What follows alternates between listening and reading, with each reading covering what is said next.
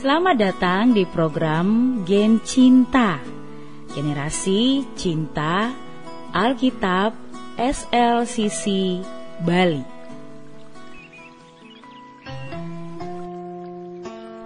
Devosi mendengar. Dan Samuel menjawab Berbicaralah sebab hambamu ini mendengar.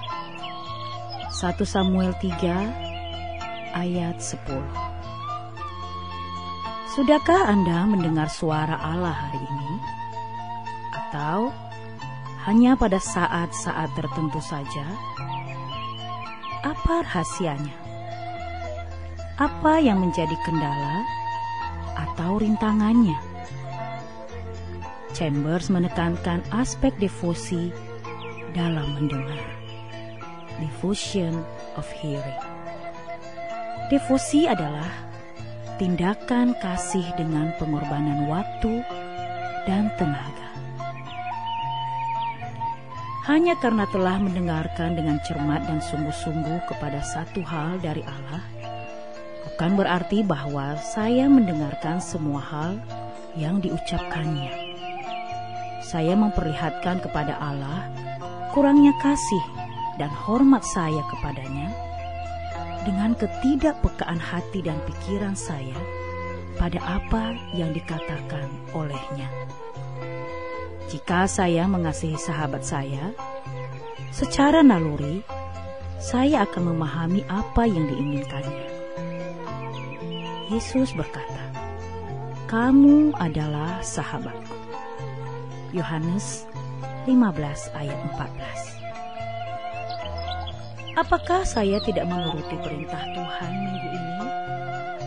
Jika saya menyadari bahwa itu perintah Yesus, saya tidak akan dengan sengaja tidak memindahkannya. Akan tetapi, kebanyakan di antara kita sungguh menunjukkan rasa tidak hormat kepada Allah karena nyatanya kita sama sekali tidak mendengarkan Dia. Seolah-olah dia tidak pernah berbicara kepada kita. Sasaran dari kehidupan rohani saya adalah keserupaan sedemikian rupa dengan Yesus Kristus, sehingga saya selalu mau mendengarkan Allah dan mengetahui bahwa Allah selalu mendengarkan saya. Yohanes 11 ayat 41. Jika saya dipersatukan dengan Yesus Kristus, saya mendengarkan Allah sepanjang waktu melalui devosi mendengar, yaitu tindakan kasih dan pengorbanan dengan waktu dan tenaga untuk mendengar Allah. Sekuntung bunga, sebuah pohon, atau seorang hamba Allah mungkin menyampaikan pesan Allah kepada saya. Hal yang merintangi pendengaran saya adalah perhatian saya yang tertuju pada hal-hal lain. Bukannya saya tidak ingin mendengar Allah, tetapi saya tidak default dalam segi-segi yang tepat dari hidup saya. Saya memperhatikan hal-hal lain dan bahkan pada pelayanan dan keyakinan saya sendiri. Allah boleh jadi berbicara hal-hal yang dikehendakinya tetapi saya tidak mendengarkan dia. Sikap seorang anak Allah seharusnya selalu berbicaralah, sebab hambamu ini mendengar.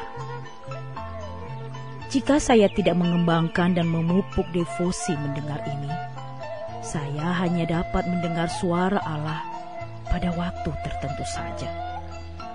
Pada saat yang lain, saya menjadi tuli terhadap suaranya karena perhatian saya tertuju kepada hal-hal lain, yaitu hal-hal yang menurut pendapat saya harus saya lakukan.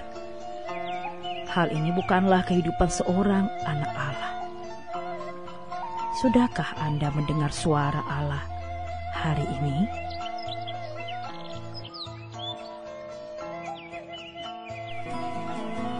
Demikian program Geng Cinta, generasi cinta Alkitab kita hari ini. Saya mengucapkan selamat berakar dalam firman Tuhan, bertumbuh dalam iman, berbuah dalam kasih dan kekudusan. Tuhan